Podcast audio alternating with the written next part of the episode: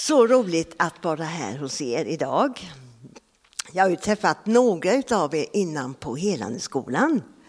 Eh, och eh, det har varit en stor välsignelse, så jag är väldigt tacksam och glad att jag får komma hit idag och dela det som ligger djupt på mitt hjärta och har blivit eh, en stor del av mitt liv en ganska lång tid. Kerstin Rosén heter jag och jag kommer från Gråbo.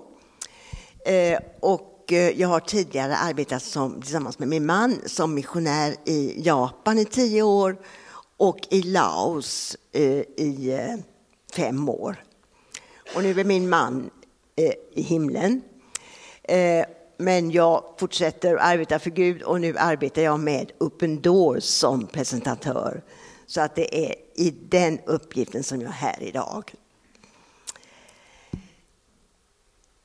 När jag var i, i Laos, jag arbetade ju ganska många år, men sen har jag eh, kommit tillbaka gång på gång, flertal gånger. Och sista besöket i Laos så gick vi till ett hemligt ställe. Vi gick till en fabrik och vi, vi försökte att ingen skulle se vad vi gjorde. Vi gick in till en avlägsen liten, liten eh, eh, litet rum på baksidan. Andra sidan så övar soldaterna för fullt, så vi vill inte bli sedda. Där satt vi på, en liten, på, på stolar och där framför så satt en tolvårig flicka. Hon började att berätta. Hon berättade hur eh, en man som eh, hade lärt känna Jesus genom ett radioprogram kom till deras by och berättade om Jesus. Hela familjen tog emot Jesus och blev förvandlade. Byfolket blev jättearga och kom till dem och sa att, gång på gång att ni måste sluta med det här annars, annars så för ni förbannelse över både er och byn. Men de fortsatte. Men en dag så dog pappan. Och då var byfolket där igen. Nu ser ni, det var det vi sa. Fortsätter ni att tro på Jesus så kommer ni att dö allihop. För mamman och syskonen blev så rädda som sa, vi avsäger oss vår tro på Jesus. Men tolvåriga Peng, hon sa, jag slutar aldrig att tro på Jesus. Storebror blev så arg så han tog henne i, i håret och drog henne runt i rummet. Lämna Jesus, annars är du inte vår dotter längre. Men Peng sa, jag lämnar aldrig Jesus. Då är du inte välkommen hit mer, så blir hon utkastad och fick ta sin tillflykt till den här ledaren som hade kommit till byn. Vi ställde frågan till henne. Hur kommer det sig att du vill vara, vara kristen när det kostar ett sånt stort pris? Och då tittade hon på oss med en blick. Tidigare den varit nedfälld, men nu tittade hon på oss. Och så sa hon, den friden jag känner har jag aldrig känt tidigare. Jag lämnar aldrig Jesus. Vad har du för drömmar? Vad drömmer du om i ditt liv? Nej, jag har inga drömmar egentligen för att jag har ingen möjlighet att bli någonting eftersom jag inte får bo med familjen. Men, sa hon, jag har en längtan och en dröm. Och det är att få lära mig mer om Guds ord och kunna få berätta det för andra starka vittnesbörd som inte lämnar någon oberörd. Villig att betala allt. Förföljelse, det har ju funnits så länge vår jord har funnits nästan. Gamla testamentet kan vi läsa om hur profeterna förföljdes. Och det fortsätter ju sedan med att Jesus och lärjungarna förföljdes. Och Jesus lovar oss förföljelse. Och sen har det fortsatt under kyrkohistorien och man kan väl säga mer eller mindre ökat mer och mer.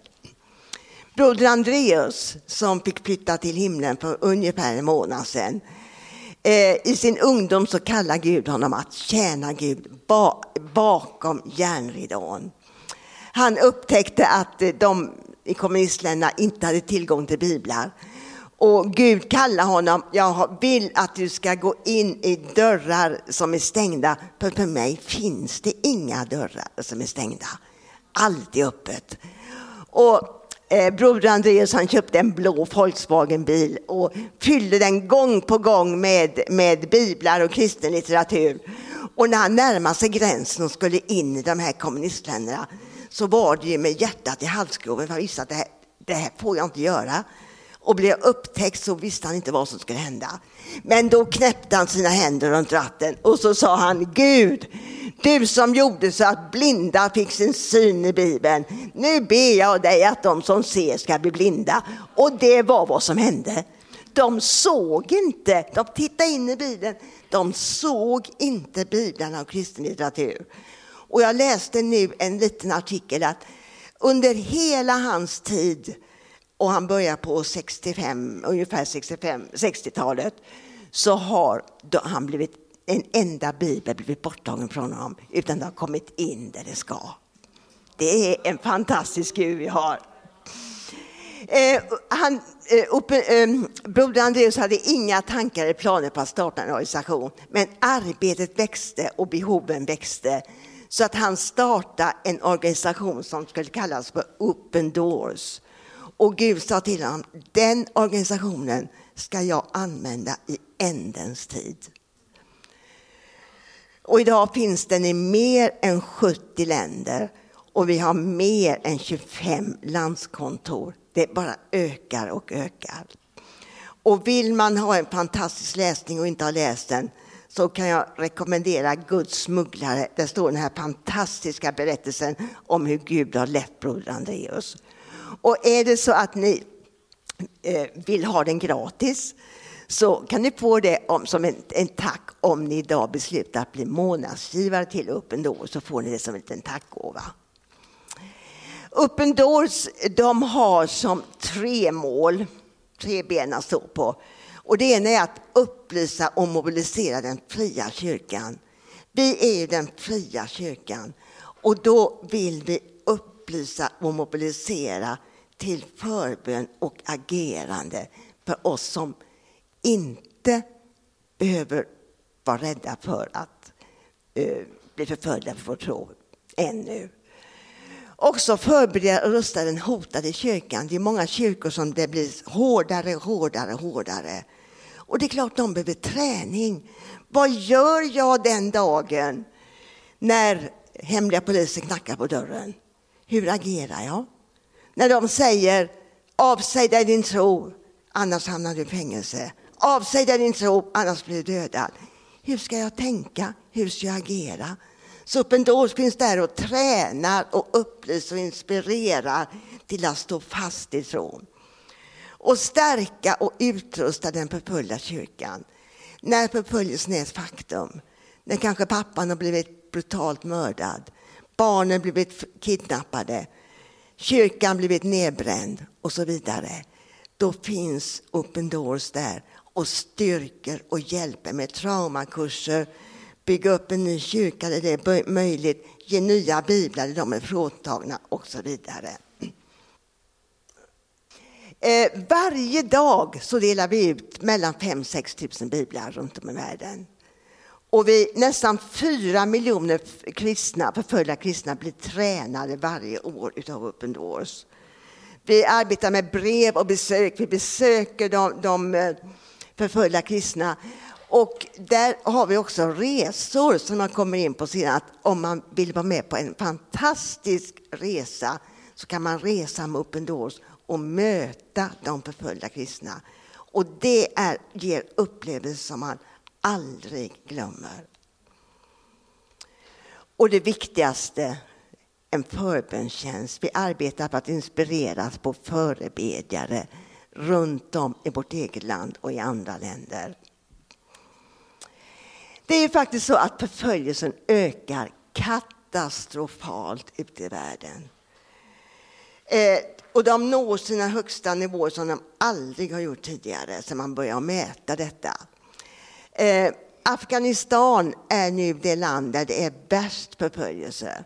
Och där måste man leva som hemlig kristen om man överhuvudtaget ska överleva. Där. För allt annat än, än muslimska tron, då är man inte en rätt afghan och då har man inte rätt till att bo i landet och vara i landet. Så här ser det ut. För 2018 så var det var tolfte kristen i världen som led förföljelse. 2022 så är det var sjunde kristen. Nästan, inte riktigt, men nästan fördubblats. Och vad siffrorna säger nu på nya Wordbox-listan som kommer ut i januari, jag befarar att det har stigit ytterligare. Och vi kan se område efter område hur förföljelsen har ökat med uppemot 50 procent på flera områden på en fyraårsperiod. En av Open Doors där, eh, viktiga uppgifter, det är viktigt alltsammans, men en som är väldigt viktig är att kartlägga så att vi kan ha fakta. För man kan säga att förföljelsen ökar, men, men, om man inte har fakta så vet man ju inte riktigt. Och Open Doors har tagit fram en, en metod att mäta förföljelse på ett vetenskapligt sätt. Och detta är den enda mät, godkända mätbara redskapet vi har i världen för att se hur förföljelsen ökar eller minskar och hur den ser ut. Och då har vi delat in eh, förföljelsen i tre olika grupper och begränsat det till 50 länder. Men det är bara det att de sista åren så har den tredje gruppen, det, det är det, de tre grupperna vi har, det är extrem förföljelse, det är, det är total förföljelse, mycket allvarlig förföljelse och allvarlig förföljelse. Men de sista åren så har gruppen med allvarlig förföljelse fått skjutits utanför listan. Den får inte plats. Utan de 50 länderna de har nu då mycket allvarlig förföljelse eller extrem förföljelse. Och ska man ha med alla länderna så får man sträcka sig ut till ytterligare 25 länder. Så att i minst 75 länder så är det allvarlig förföljelse för kristna. Och det är inte bara lite mobbning, utan det handlar om påverkan i dagliga livet. Jag kanske inte får gå och handla, jag kanske inte får bo kvar i byn, inte får tillgång till sjukvård, inte får gå i skola och så vidare och så vidare. Afghanistan det är det landet där det är allra värst. Eh, innan så låg Nordkorea på, på plats nummer ett men nu, nu eh, förra året så gick Afghanistan eh, om Nordkorea. Eh, där, om man överhuvudtaget ska leva kvar i landet och vara kristen så måste man vara hemlig kristen. Man kan inte berätta för sina barn en gång att man är kristen, utan total hemlighet. Om man blir avslöjad så riskerar man att bli dödad. Nigeria, som är ett land där det är stor procent kristna i söder. Men i norr, där eh, har muslimerna sitt fäste och intar by efter by. Och de har som, Boko Haram har som mål att göra hela Nigeria till en, en, ett islamiskt land. Och brutalt går de in i by efter by efter by, målmedvetet strategiskt och siktar på ledare och pappor och dödar dem, våldför sig på kvinnorna och tar hand om barnen som blir tvångsgifta in i muslimska tron. I landet finns det många tusentals änkor och barn utan pappor som har upplevt traumatiska saker. Men Open Doors har där startat upp Hoop Center dit de kan få komma för att få uppmuntran, traumabehandling och hjälp så att de kan se ljus och hopp i mörkret. Indien, världens största demokratiska land inom situationstecken. Där har Moody målmedvetet arbetat och håller på att arbeta på att göra Indien till en, ett hinduiskt land och utrota allt vad andra religioner heter. Han har som mål att det ska bli en religion, en kultur och ett språk i landet. Och han har siktar in sig på provins efter provins. Och i landet finns det 28 provinser ungefär. Och i nio av de provinserna så råder totalt förbjud att vara någonting annat än hinduist. Och blir man det så blir man förföljd till maximalt. Och där, om det i de byarna finns kristna människor så, på, då, så arbetar de på dem med, med påtryck och påverkan att de ska återomvända sig till hinduiska tron. Och de, de skräms till att göra det. Och när de går med på det så får de under fruktansvärda ritualer. De får bada och duscha, duscha i, i, i ko, eh, ko eh, urin och, ba, och, och klä in sig i, i, smeta in sig i koavföring och lova att gå tillbaka till hinduiska tron. Världens största demokratiska land. Var någonstans, i vilken tidning kan vi läsa om detta? Ingenstans. Men detta pågår idag. Nordkorea som ju under ett över 20-tal år har legat som nummer ett på, på listan med förföljelse. I landet finns det en cirka 70-80 eh, arbetsläger där man får under fruktansvärda förhållanden eh, leva sitt liv. Dåligt med mat och råttor och kallt och, och, och tortyr och allt. Men mitt i detta så växer de kristna. Jag träffade en kristen kvinna för något år sedan. Och hon berättade om hur hon hade varit i sån här fängelse i två och ett halvt år. Och, men hon kunde inte låta bli att dela med sig av sin tro. Så, hon, så kvinnor blev frälsta och så tog hon med sig dem till toaletten för det, det var så fruktansvärt så ingen vaktman ville komma dit och kolla dem. Och där på toaletten, där lukten var fruktansvärd, där viskar de lovsånger där viskar de böner och viskar bibelversar till Gud. Guds ord går fram. Det finns inga stängda dörrar för Gud. Vi ska höra en berättelse. Ska vi se? Nej. Nej, av någon anledning så. Eh, det var en kvinna i Nordkorea som, som, eh, som eh, hade fått tag på en bibel. Hennes bibel hade blivit fråntagen när hon fick tillbaka den. Hon gick ut efter lång arbetsdag, gick hon ut och gömde den i skogen. Kvällarna när hon och familjen, de var ju bortförda hit bara för att de var kristna. När de hade gått och eh, slutat arbetsdagen så i mörkret gick de ut till det där trädet och, och började gräva upp Bibeln.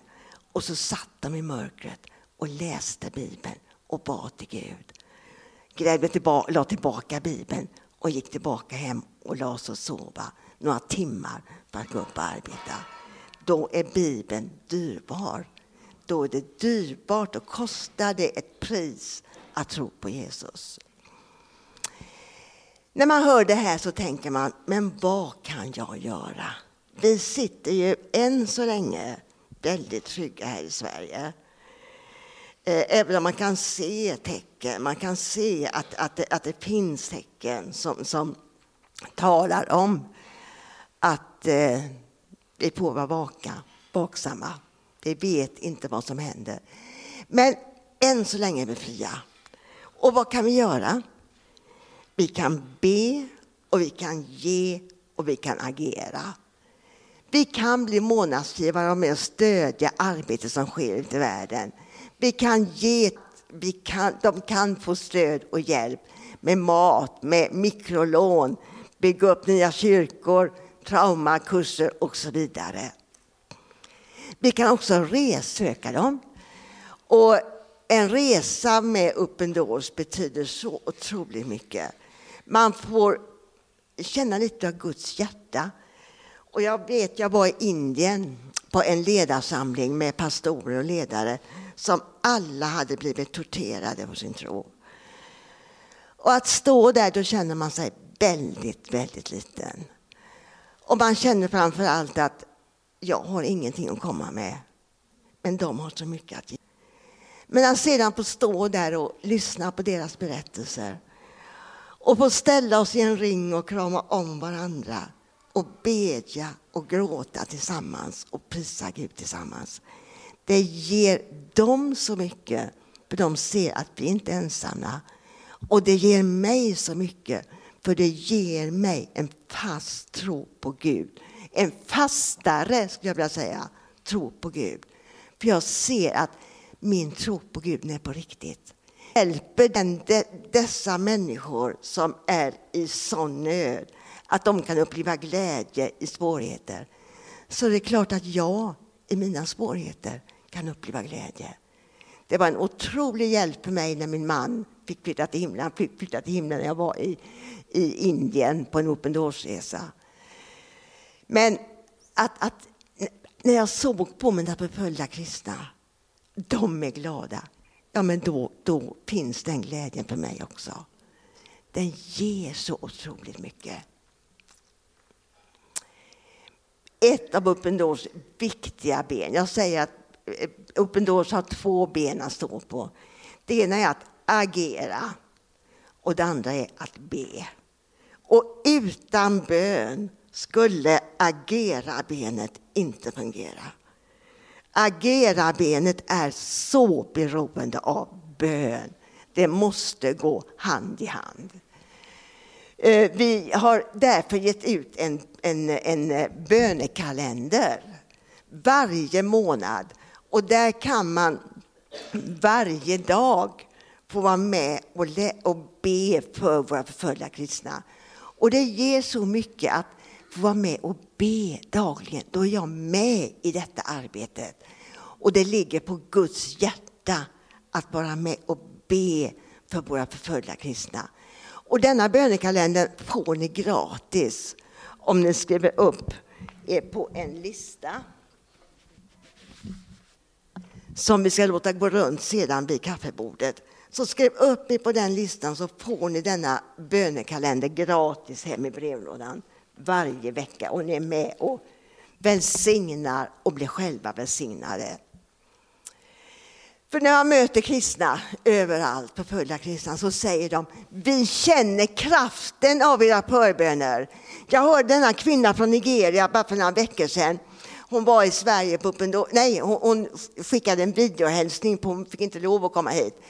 Men hon, hon hade för tre år sedan mist sin man i, i brutalt mord och var e-, e-, ensam med två små barn.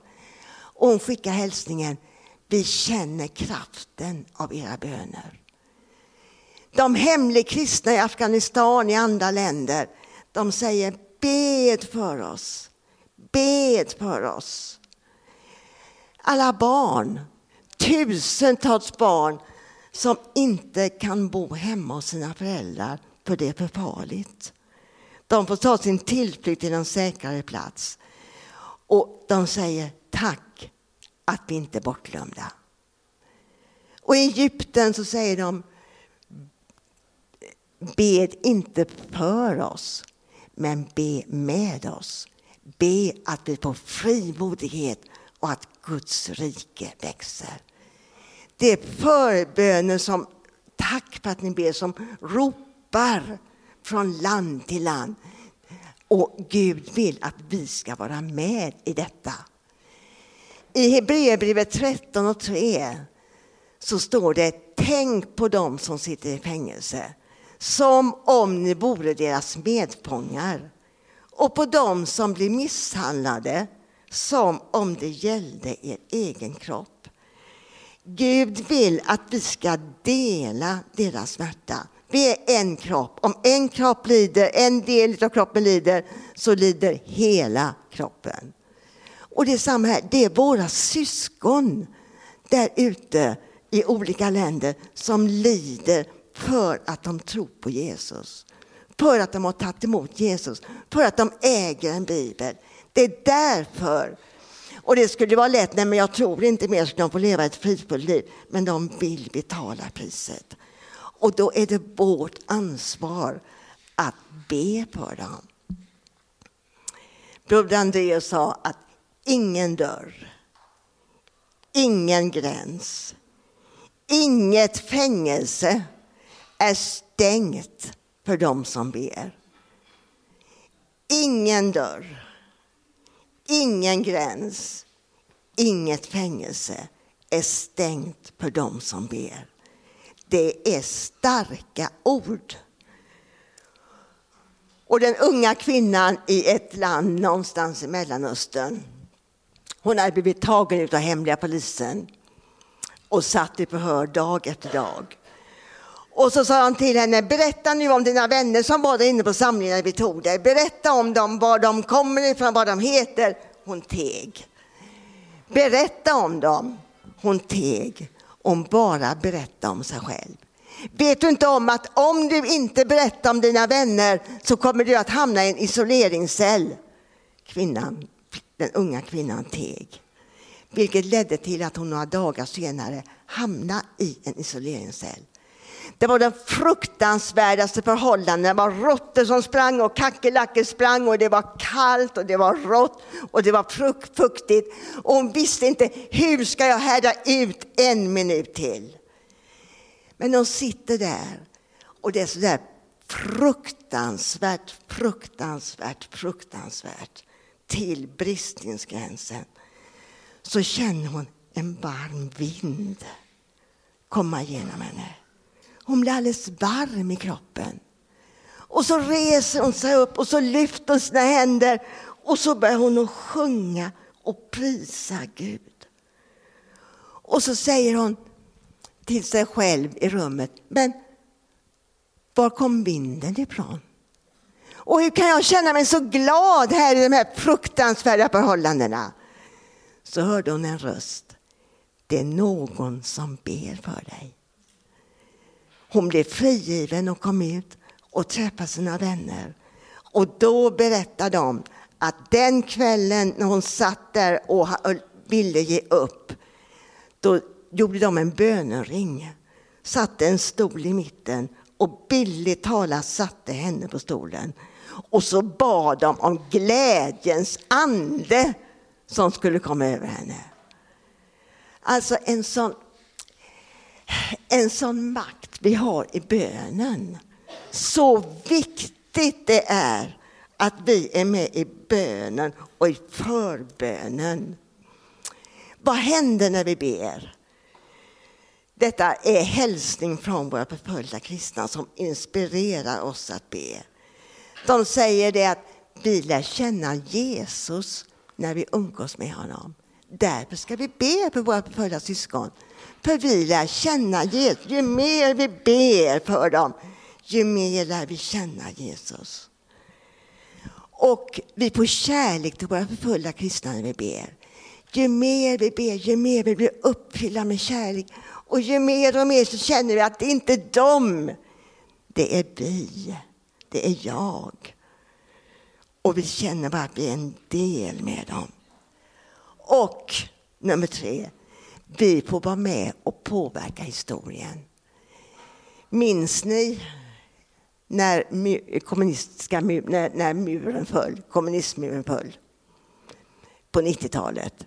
Det var, hade föregåtts av bön och bön och bön och så föll muren pladask. De förebedjarna som var med då var med och påverka historien. Och vi kan vara med och påverka historien.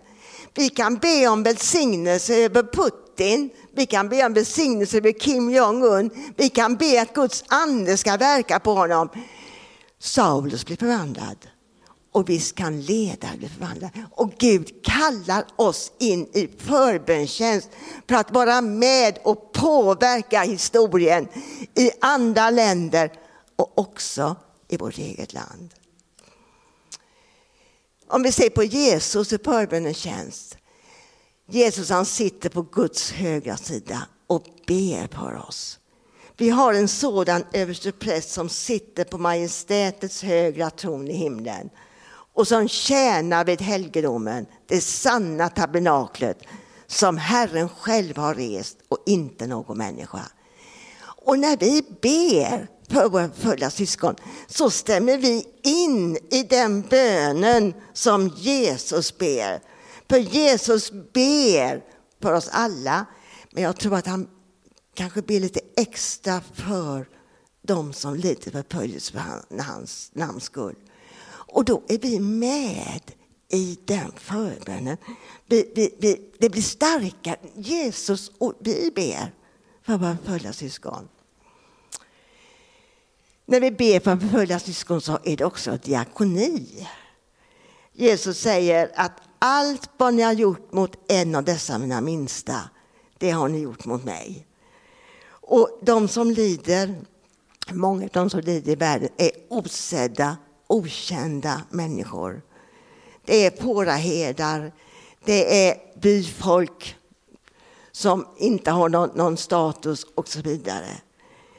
Och när vi ber för dem så gör vi en diakonal tjänst inför Jesus. Vi ber om välsignelse och kraft och helande. Och vi vet i Jobb, när Herren gjorde slut på Jobs olycka, när han bad för sina vänner. När han sträckte sig ut och bad för andra så gjorde Gud slut på hans olycka. Och själv tycker jag att det är starkare att be för andra än att be för mig själv. Jag, jag brukar oftast glömma av att be för mig själv. Det kommer i förbifarten ibland. Men eh, när man ber för andra. Och, och det står också här gästfrihet. Glöm inte att vi säger gästfrihet. Genom gästfrihet har somliga fått änglar till gäster utan att veta om det. Jag brukar ha min andaktsstund vid frukostbordet. Och där sitter jag och ber och pratar med Jesus. Och ibland då så, så tenderar man till, man har ju barn och barnbarn och församling och grannar och vänner och allt sånt där. Men så ibland så känner jag bara, nej, nu måste jag ut och flyga. Jag måste ut och flyga. Och liksom dit som är okänt i länder där jag inte riktigt känner till, men som Gud lägger på mitt hjärta. Och det är som att det blir extra välsignelser när jag ber för det som jag inte känner till. När jag ber för det som Anden manar mig till. När jag ber för det. Och, och det är som att, ja, jag kan få änglar på besök. Och Gud kallar oss in i detta, att vara förebedjare. Och jag tror, jag vet, att om vi tar in förföljda kyrkan i vår förbönstjänst på ett mer konkret sätt så sker det så mycket med oss själva. Eh, vi samlas ibland, vi som arbetar på Open Doors och delar med oss av erfarenheter. En del av oss har arbetat längre, andra kortare. Men vad alla säger varenda gång, det är att sedan vi började med detta så har Gud gjort så mycket i våra liv. Att det påverkar min tro, därför det stärker min tro. För jag ser att fungerar det för dem, kan de lida och dö för Jesus skull, ja men då är det ju på riktigt. Och min tro växer genom detta. Visst är det fantastiskt? Och detta vore inte möjligt om inte bönebenet fungerar. Och där, mina vänner, där har vi en viktig uppgift.